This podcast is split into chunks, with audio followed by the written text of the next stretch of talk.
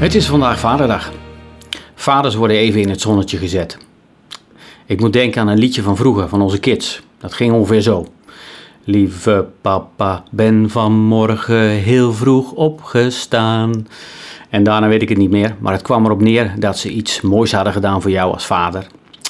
Tegenwoordig is het eh, meer van, hey pap, en dan krijg ik een huk en dan voel ik zo'n gespierde rug van, uh, van een van onze zonen.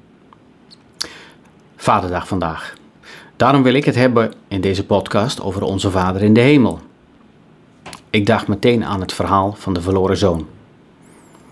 Een verhaal over hoe onze Vader is. Het verhaal wordt verteld door Jezus. Het gaat over een vader en twee zonen.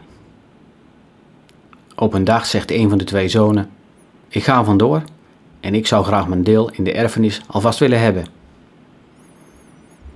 Redelijk schokkend.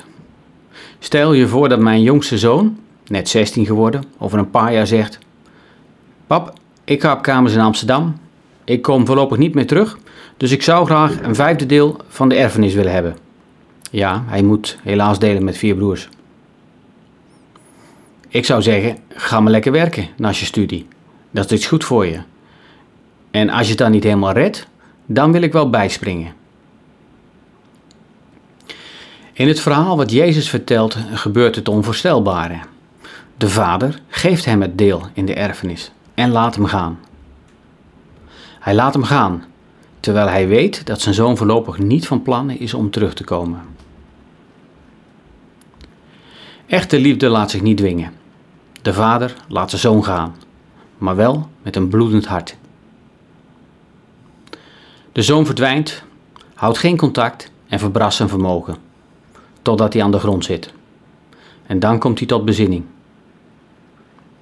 Hij beseft wat hij gedaan heeft en voelt zich schuldig. En dan denkt hij bij zichzelf: Ik word gewoon knecht. Mijn positie als zoon heb ik verbruikt. Maar misschien kan ik wel gewoon werken voor kost en inwoning. Voor wat hoort wat. Wat zit dat diep in ons? In ieder geval bij mij. Eigenlijk vinden we het vreselijk om iets te krijgen, om afhankelijk te zijn. Het liefst doen we iets terug. Betalen we iets zodat we ons gelijkwaardig voelen en niet afhankelijk. Als de zoon terugkeert, dan zien we hoe de vader werkelijk is. Hij staat op de uitkijk, dag in, dag uit, wachtend. En als hij de zoon ziet, dan rent hij naar buiten en sluit hem in zijn armen. Zo is onze Vader in de hemel. Henry Nouwen schreef er zo'n prachtig boek over. Het heet Eindelijk Thuis. Op de voorkant van het boek staat het beroemde schilderij van Rembrandt, die het moment dat de vader de zoon omhelsde geschilderd heeft. Een en al tederheid van de kant van de vader en de zoon die op de knieën valt en zoveel spijt heeft van wat hij heeft gedaan. Ik lees een klein stukje voor uit het boek.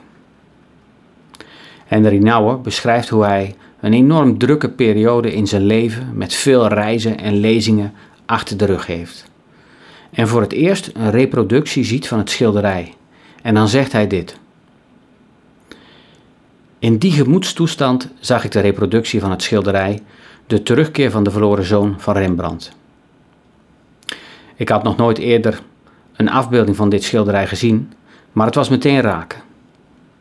Mijn hart sprong op toen ik het tafereel zag. Tijdens de lezingentournee had ik me voortdurend kwetsbaar opgesteld tegenover mijn luisteraars. De tedere ontmoeting van de vader en de zoon drukte alles uit waar ik op dat moment naar verlangde. De zoon, dat was ik. Doodmoe van het lange reizen. Ik wilde omhelst worden. De zoon die thuis komt, dat was ik. Op zoek naar een veilige plek waar ik me thuis kon voelen. Ik wilde me geborgen weten. Wekenlang was ik van de ene plaats naar de andere getrokken, van de ene groep naar de andere. Ik had me voortdurend moeten geven. Anderen motiveren, waarschuwen en bemoedigen. Ik verlangde zo naar rust, naar een plek om tot mezelf te komen, naar een thuis.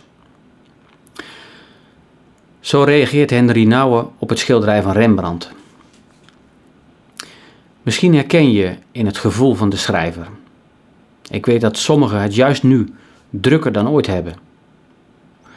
Misschien mis je je eigen vader of mis je een thuis. Sela, de band die, die je eerder hoorde, zingt Welkom thuis. Hier mag je zijn.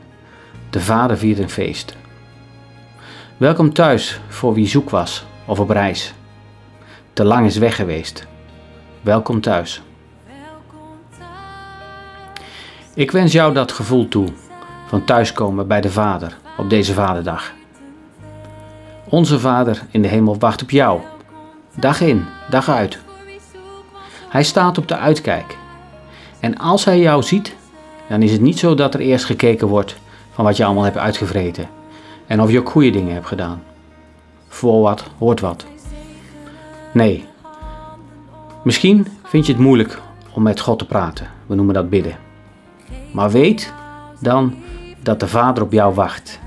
En als hij jou ziet of hoort, dan rent hij naar je toe. Hij sluit je in zijn armen en hij huilt omdat jij weer thuis bent.